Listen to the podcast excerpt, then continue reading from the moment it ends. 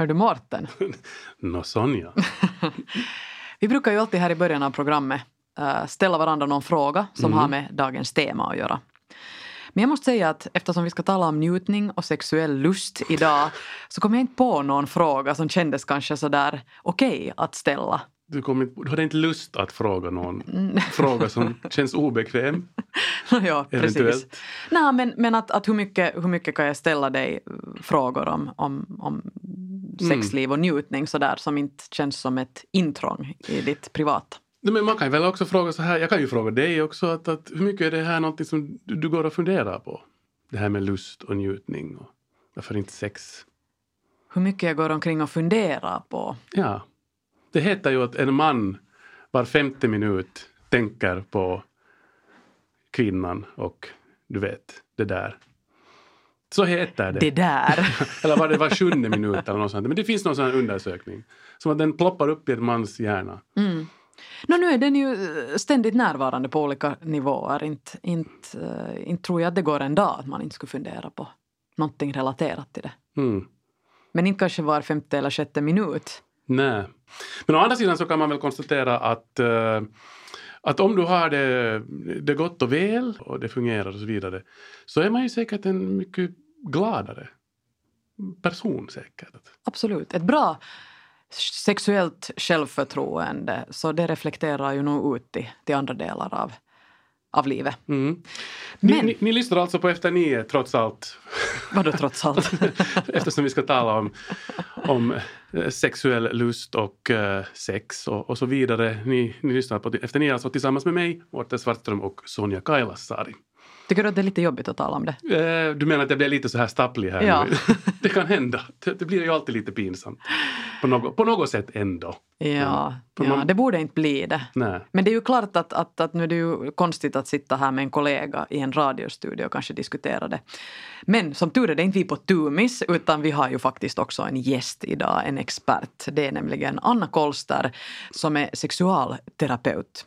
Och, och hon eh, tar ju då emot par eh, på sin mottagning och, och hon har sagt att så gott som alla klienter som kommer till henne som par just har just problem med samma sak, nämligen lust. Så vi ska fokusera på, på lusten idag. Vad kan man göra för att öka den? Hur ska man förhålla sig till den? Uh, vad kan man tänka på när det kommer till det? Precis. Hjärtligt välkommen sexualterapeut Anna Kolster. Tack så mycket. Idag när jag gick hit till jobbet så, så såg jag mm, på löpin att det stod att pariterapian tarve räjähti och speciellt efter coronavåren. Du som tar emot par, par och eh, sysslar med parterapi, har du, har du själv märkt det? Jag har nog faktiskt märkt att eh, förfrågan både förra våren och nu på hösten och under sommaren har vuxit. Att jag kan nog tänka mig att eh, familjer eller par som har så att säga fått vardagen att rulla på annars men sen blivit sittande inom fyra väggar och kanske måste liksom så att säga ta itu med saker som, som man annars inte har hunnit med eller blivit påmind om så, så känner man kanske att det har liksom krisat sig och då har folk vilja, vilja ha hjälp. Och jag har faktiskt fått nog samma, när jag talar med mina kollegor så har jag nog fått samma re- respons att de har också fått, eh, ska vi säga att mottagningarna är mera fulla än normalt just nu. Och finns det någon eh, mer allmän orsak till det eller någonting som, som man kommer och talar om? No, eh, alltså allra vanligast på min mottagning är ju att eh, när par kommer är, som du sa här tidigare, så att man har problem på något sätt med den sexuella lusten. Man upplever att den, eh, båda inte vill lika mycket. Ganska ofta är det faktiskt så att den ena kommer först, det vill säga den som har då mindre lust, som på något sätt har blivit skickad eller tycker att det är mig det är fel på, vad ska jag göra åt det här? Och är man då i en parrelation så brukar jag säga att nu skulle det vara jätte, jätteviktigt att ni båda kommer på plats. Så att, för det handlar ju inte om, om man är i en relation och man upplever att det är i den här relationen vi inte hittar det här gemensamma liksom lusten att båda skulle vilja ungefär lika mycket eller, eller hitta liksom något sätt att få det att fungera så hjälper det inte så mycket att tala med den ena. Det finns liksom inte någon trollstav som man kan säga att nåja, nu mm. kom lusten tillbaka. Det, det, är ofta ganska mycket mer komplicerat än man skulle tro vad som ligger där under.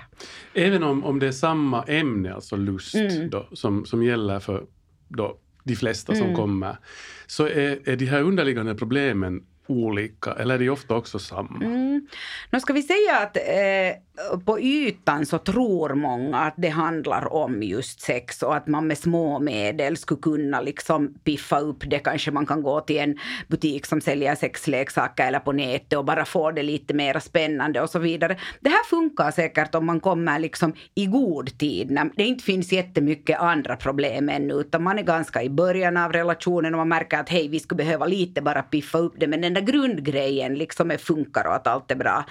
Men oftast kommer par när man tycker att man har haft något problem i sig sådär ungefär sju år. Så då finns här redan jätte, jättemycket andra grejer som ligger under, det vill säga brist på kommunikation, konflikter, Kanske det att man har prioriterat olika i vardagen, sårade känslor och så vidare. Så då går det liksom inte att trolla fram lusten före man har på något vis eh, gått igenom och, och pratat om det här som finns där under. Varför vill jag helt enkelt inte, varför är det svårt att vilja vara så nära till exempel min partner att jag skulle vilja ha sex? För ofta ligger det mycket mera grejer under det. Men att, att ha lust så det har ju att göra med sex. Mm. Och är, är nyckeln till bättre sex, ligger det i hjärnan? Jag skulle säga att det ligger både i, i hjärnan och sen så att säga våra erogena kroppsdelar och så vidare. Jag brukar säga överlag att den sexuella energin hamnar, är ju ganska långt vår livsenergi. Det vill säga det är något som får oss att gå mot det vi vill ha, få kroppen att reagera och så vidare och liksom driver oss framåt. No, hur mycket ska man göra arbete på egen hand? Jag menar inte med mm. egen hand utan liksom så med sig själv. För mm. att bli en bättre partner eller, eller mötas mm. Som, som, som en, ett par? Nu tror jag att det är superviktigt att på något sätt eh, känna till sin egen lust, sin egen njutning, sin egen kropp och kunna acceptera sin egen kropp, hur den fungerar. Och det här kan ju vara jobb som man måste göra med sig själv. Det är inte alltid lätt att tycka att min kropp är helt jättehärlig och man behöver ju inte eh, prisa den varje dag. Men att se att hej, den är helt okej, okay, den ger mig massor av njutning, här finns liksom potential. Att man blir ju kanske lätt att tänka att det är min partners uppgift att göra det skönt för mig. Men de facto så kommer man jättelångt med att veta vad man vill, kunna kommunicera det och se till att liksom så att säga man själv liksom är den här motorn som driver det, inte den här passiva som ligger och väntar att det är min partners uppgift att få igång mig och sen kan vi göra vissa saker. Utan att vara liksom, att båda tar ansvar så att säga för sin egen bit. Det finns så att du brukar också eh, ge paren olika sorters mm. övningar som man, kan, som man kan använda sig av för att eh, komma mm. underfund med mm. och komma igång helt mm. enkelt. Kan du, kan du ge några exempel på? Jo, uh, no, här kommer jag kanske att tänka på att ofta uh, den här sexuella lusten är ju lite av en paradox. Därför för att för att överhuvudtaget sex ska funka i en parrelation så behöver de flesta en grund att relationen är trygg, att man kan lita på den andra, att den är någorlunda stabil.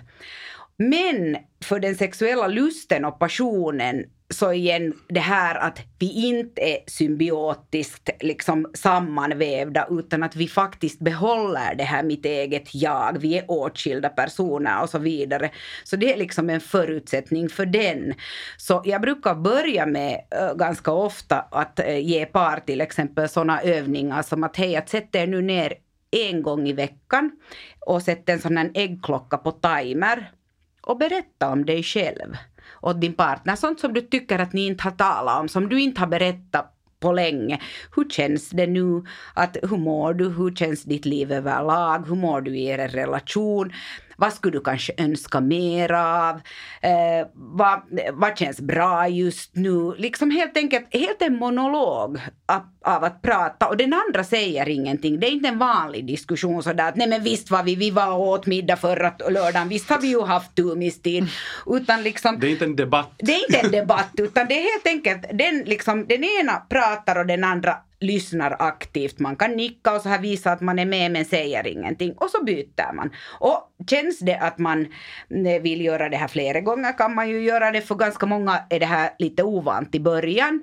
Men det där men de vänjer sig ganska snabbt och det är ju ett sätt liksom att att lite sådär veta, känna på pulsen och lyssna att vad är på gång och lite väcka mitt intresse för min partner också för att vi hamnar lätt in i de här vardagsrutinerna var vi lite glömmer bort att eh, du är ju faktiskt Sonja och jag är Anna och du tycker kanske om pizza och jag tycker om hamburgare men varje dag äter vi ändå bolognese. Liksom att man tappar lite, man gör kompromisser och tappar liksom lite bort varandra.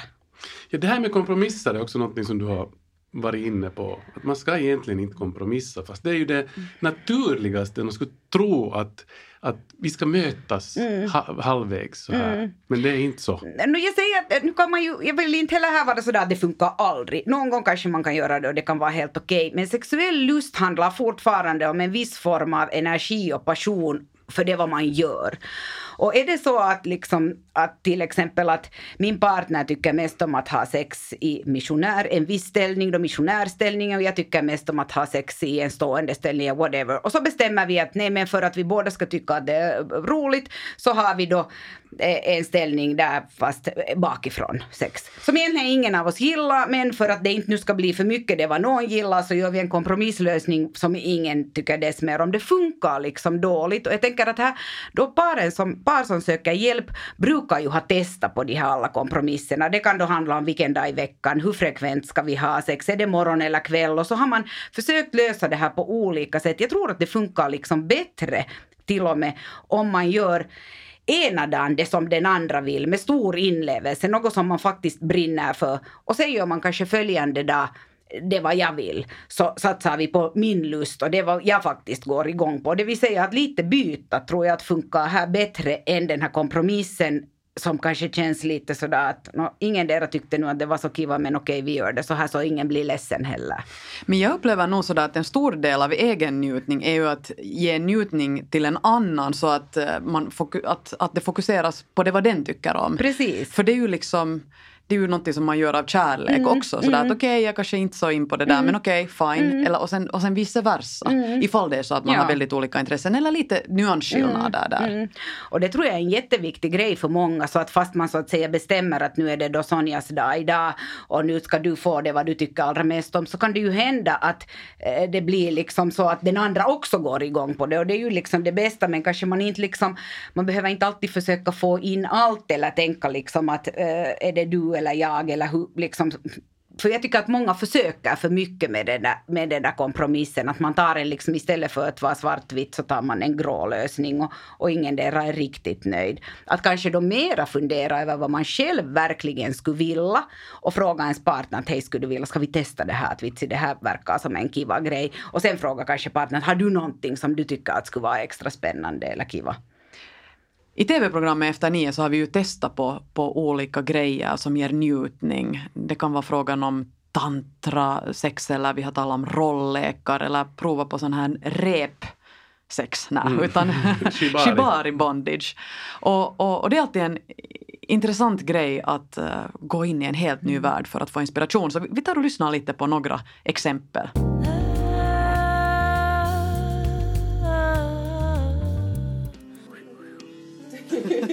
Nåja, nu börjar det. Efter nio. Mulla on semmoinen kietomisharjoitus, millä mä tosi usein aloitan ihmisten kanssa, koska siinä ei tarvitse tehdä mitään solmui varsinaisesti. Siinä vaan kiedotaan kropan ympäri sitä köyttä. Det var som om jag skulle vara inne i mammas mage. Jag förstår att folk mm. tycker att det är mm. stimulerande. Nu kan jag tycka att det är lite sensuellt och erotiskt mm. det här. Alltså sådär, kanske så här i arbetssammanhang så lite dämpar man de här tankarna mm. men att, mm. att hela, hela hur du rör dig också, hur det där repet rör sig mm. där mellan dina armar eller sådär. Så nu är det ju liksom, ja.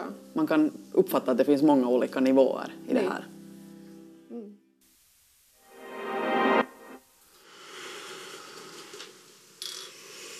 Det som man letar efter inom tantrisk sex Och det är liksom en annan sak. Att istället så, så blir det en sån här...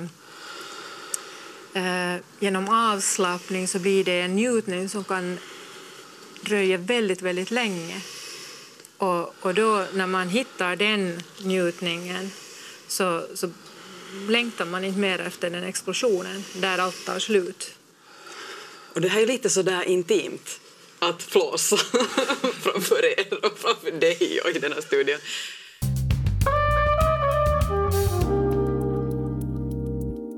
Ja, att testa på sådana här saker tillsammans med någon annan som inte din partner, mm. så det, det gör ju nog det att man är ju inte man kan ju inte ge sig 100 procent mm. till den där grejen. Man kan inte vara helt 100 procent eh, närvarande. Det, är lite, det finns lite spärr. Mm. Det finns spärr och, och, och, det är det som egentligen sen är nyckeln tycker jag till, till njutning, mm. att du är 100% mm. närvarande. Men det är ju inte vår sak att vara. och speciellt inte framför en kamera som Nej. filmar allt vad vi gör. Oj herregud. Det kan vara helt jätte, jättebra Eh, för par. Ibland ger jag liksom tips eh, på sidan om det att man går och talar med någon parterapeut eller sexualterapeut. Att göra något helt enkelt som är helt kroppsligt. Det vill säga något som man inte har gjort förut, som man inte har testat på, vad man inte bara pratar med varandra. För det finns möjlighet att hitta nya dimensioner där helt enkelt av nya former av njutning och ny form, äh, nya former av kontakt och så vidare. Så jag tycker absolut att det där är en helt, kan vara ett supertips. Mm, att hitta en kommunikation men inte verbalt. Ja, precis. För det är ofta något som man inte är van att göra. Det utmanar båda. Antagligen sätter det båda på en lite Eh, främmande mark. Man är kanske lite, det är nytt, man är osäker, man funderar, det är spännande och så vidare. Det finns också möjlighet att hitta en helt ny kontakt till varandra där. Så jag brukar faktiskt också rekommendera sånt här att vad skulle vara något nytt och kiva som, man skulle, som ni skulle kunna hitta på. Och med de här typens övningar som ni hade gjort så här är det ju just det att man är där närvarande tillsammans och här finns ju en, faktiskt en möjlighet dessutom sen att dela något nytt som man inte har gjort tidigare. Absolut. Den lilla skillnaden måste vi bara ändå poängtera för lyssnarna att vi är ju inte, jag och Sonja, ett par utan vi gick dit som kollegor. Ja. Men, ja. Men, det är ju det som gör alltid de här inslagen lite, mm. lite konstiga. Ja. men det är ju för att presentera någonting nytt. Kanske en mm. inspiration för mm. nya, mm. nya äventyr. En grej som jag tänker att uh, påverkar väldigt mycket det är att man, man glider ifrån varandra eller att man inte, man inte hittar samma på något sätt flow är, är säkert den där tiden. Mm. Att ha mm. tid, att få mm. tid att njuta. Mm. Hur relevant är mm. det? Nu är det också jätterelevant. Jag brukar, jag brukar göra ibland en sån här lista på en sån här flapptavla på vår mottagning sådär att vilka är de fem viktigaste sakerna till exempel i, i ert liv och, och man kan få då skriva var sin lista där så här. Och sen att i vilken mån, vilka, vilka saker satsar man mest tid på? Och då kan det nog hända att parförhållanden liksom rasar. Man säger att den, den hör absolut till de fem viktigaste, kanske till och med på tre i topp. Men de facto så satsar man ingen tid på det för att allt det här andra i vardagen äter så att säga upp den här tiden. Och man börjar lätt att tänka att den här relationen liksom är självklar på något sätt. Att vi är nu tillsammans och vi har nu kanske barn eller vi har i alla fall kanske då ett gemensamt hem eller att den här relationen har nu varit så lång så den finns nu där i alla fall och inte behöver jag nu göra så mycket för att den nu ska liksom må bra. Men det stämmer faktiskt inte utan jag tror nog att i alla liksom situationer i livet är det jätte, jättebra att stanna upp åtminstone så där kanske med ett halvårs mellanrum och fundera att hur mår liksom vår relation, mm. var är vi just nu, vad skulle man kunna göra för att, för att få, få igång saker bättre? Om det till exempel är så att man börjar märka att man inte har så ofta sex mer. Och de flesta, de flesta kommer när de redan har haft bekymmer i flera, flera år. Men det skulle vara så mycket lättare att åtgärda det liksom på en ytligare nivå om det inte har redan liksom bild, kommit liksom en massa känslor av besvikelser och så vidare som man sen också måste tackla. Mm. På tal om det här med att det, det förflyter lång tid mellan, mellan att man har sex eller varför mm. inte att det har mm. upphört kanske till och med helt. Mm. Jag tänkte nu bara för att det är säkert inte så ovanligt att någon dera sen börjar söka den här um, att få, få bekräftelse eller lust mm. någon annanstans. Mm. mm. Kanske rent av med någon mm. annan. Mm. Hur, hur, vanligt är det att det har hänt sen? No, nu har det också hänt. Då kommer de oftast såklart kanske mitt i ändå någon form av otrohetskris om det då är så att det inte är ett öppet förhållande och inte OK. Så då är man, men men då, är, då, då är du redan kring mycket större frågor före du sen kan börja ta i den där liksom lusten att först måste man då kanske gå igenom att det har, man har svikit den andra och det, man är kanske jättebesviken och kan inte lita på sin partner. Och, men du har helt rätt att därifrån var man sen sist och slutligen ska börja är ju därför att hur blev det så här? Att vad har hänt, vad hände mellan oss innan det här hände? Att det där att, att det, är nog, det är nog just så som du säger att det, det, folk löser det här på olika sätt. En del är nöjda med att ha sex med sig själv år ut och år in fast varje dag. Och, och, och det är också okej okay, och det tycker jag är sånt som är helt bra kanske att tala jätteöppet om. Att för att jämna ut då lusten så är det ju super, det är ganska tabu. Jag brukar alltid fråga par som jag träffar på min mottagning hur är det liksom med solosex och, och liksom talar ni om det med varandra? Så ganska många talar inte med varandra och är sådär att nej men sen finns det nog liksom par som ändå att båda är medvetna om att båda gör det och det är helt okej. Okay. Sen finns det ju såklart par där det blir problem för att man känner att vi har inte sex sinsemellan men, men du har jättemycket sex med dig själv. Att varför är det mycket lättare så? Då måste man ju prata om det också förstås. Och sen ibland är det ju kanske bättre att man har sex med sig själv än att man börjar ha sex med andra. Mm, mm. Jag menar om det, om Mm. det på något sätt hämmar en sån här åtrå. Jag, jag tänkte, sen, sen, eh, de, kanske inte söker sig till dig för det är kanske inte ett problem för dem. Om inte, eh, eller, eller hade funnits sådana par där båda är liksom mera vänner. Det, det är helt okej nu. Eh, De bryr inte sig så mycket mera. Vet du vad jag menar? Ja, där man kanske lite blir som syskon eller man funkar bra som ett föräldrateam, som en familj och så vidare. Och där brukar jag liksom lite säga att många, många av de här har sen igen liksom eh, vuxit för, man har vuxit förr liksom ihop. Du är inte mera intressant för mig för att vi är liksom en enhet. Vi går kanske med, vi tycker nu båda om pizza för att du har tyckt om pizza och det här är våra barn och vi går kanske, vi går alltid ut på den här söndagspromenaden tillsammans och vi gör de här de här, liksom, vi blir ett och en enhet vi två. Det inte alls, det kan vara jättebra för en relation och är båda nöjda med den här enheten och att man kanske inte har så mycket passion och så vidare så är det ju jätteokej. Men för att känna den där sexuella lusten och passionen så måste man vara liksom lite åtskilda. Det betyder det att du ska fortfarande få vara du för att du ska kunna bli intressant för mig. För jag vill ju inte ha någon som, jag redan, som redan finns här i fast i mig, utan du behöver gå liksom lite längre bort för att jag ska kunna se det som min partner är annorlunda än jag. Så det här är helt bra. Och jag tror att det här är, eller jag, jag har märkt också att det är problem att blir man för liksom samman, sammanvirkad på något sätt det här livet och man bara är föräldrar eller bara, bara just ett team. Så ofta börjar endera sakna det där att men, men var är liksom, varför, har vi, varför är det inte mer intressant det här? Eftersom sex handlar mycket om, om kommunikation också, så, så hur bra är folk på att kommunicera om vad de vill och hur, hur de är? Jätte, det är nog jättesvårt. Ja, att det är sådär, man kan allmänt säga att, att det inte finns en sån här super, liksom, Nej, nej. lätt. Nej, alltså många har ju haft sex med varandra i tiotals år och aldrig pratat om sex. För det är på något sätt och sen om man frågar, nej men det är helt bra, det är helt bra så som det är. Och, och, och kanske det är helt bra, men det blir ju kanske också om den ena sen känner att den skulle vilja utveckla eller göra något annat mer spännande så är det ju svårt såklart om, om man aldrig riktigt får veta vad, vad ens partner tycker till exempel. Så här kan, här kan man nog behöva lite hjälp. Jag har också, jag ber ofta faktiskt mina Eh, mina klienter skriva sådana här plus minus listor.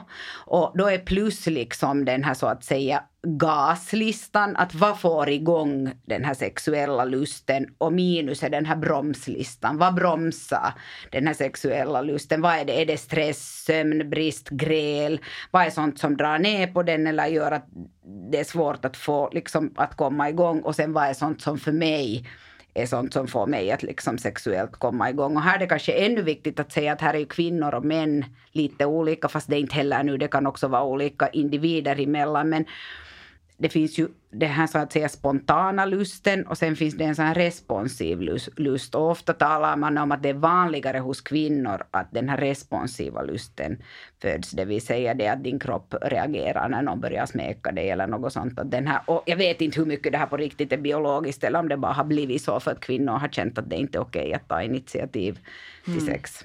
Mm.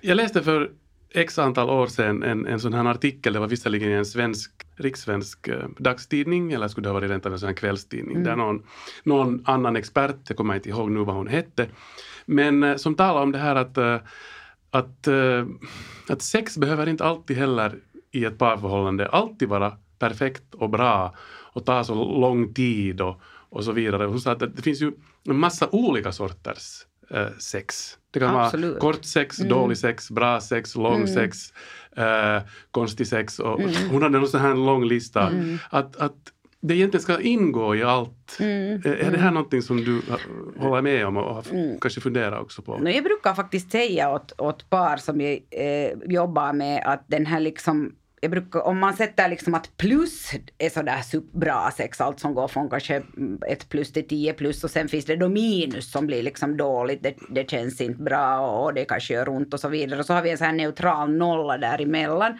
Så brukar jag säga att om relationen annars är bra och det känns att man är trygg med varandra och så vidare så är det jätteokej att ha liksom noll sex också. Alltså det vill säga att det, det, det är inte varje gång så där himlastormande, superhärligt på alla sätt. För att redan, sex är ju ett sätt helt enkelt också att bara beröra varandra, vara nära varandra. Det här att vi på något sätt eh, bygger upp sexet så att det ska börja på ett visst sätt och så ska vi göra de här och de här sakerna och sen ska vi då kanske ännu ha då samlag om det är då det som är det här penetrationen och sen ska båda hoppeligen få då orgasm helst samtidigt och då är det bra och då är vi liksom då, då har vi, är vi båda nöjda och så vidare. Så det sätter ju jätte jättepress på, på överlag liksom sexet. Jag tänker att ibland kanske mm, den ena kommer, ibland kommer ingen och det är ändå jättekiva. Ibland har man snabbsex, ibland har man eh, kanske bara lite rör varandra med händerna. Att allt är ju lika okej. Okay. Det här, sex är ju liksom lite lek för vuxna.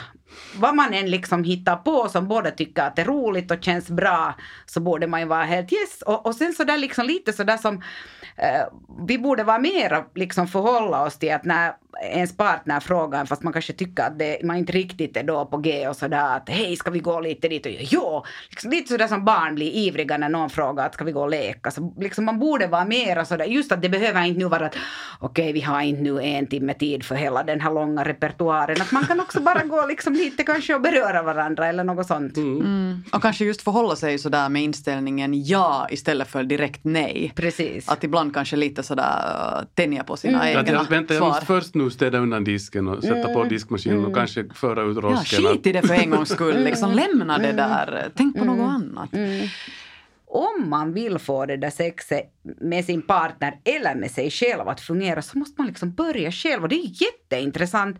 En del är inte alls så jättepositivt, tar det inte lika positivt som jag tycker själv. Jag tycker det här är ju mäktigt liksom. Det är en möjlighet till en resa liksom inom en själv. Men om man då tycker såklart att man är inte intresserad av sex så kan det ju kännas lite motigt. Men då brukar jag säga att börja med att fundera att den, hur, hur, liksom, hur går din kropp igång? Eh, Tycker du om att titta på några erotiska filmer, porr? Tycker du om att läsa erotiska? När börjar det liksom hända saker i kroppen på det? Hur, hur är det liksom när du berör dig själv? Vad känns bra? Vad känns inte bra? Vad behöver du för att kunna slappna av så att det ska kännas bra?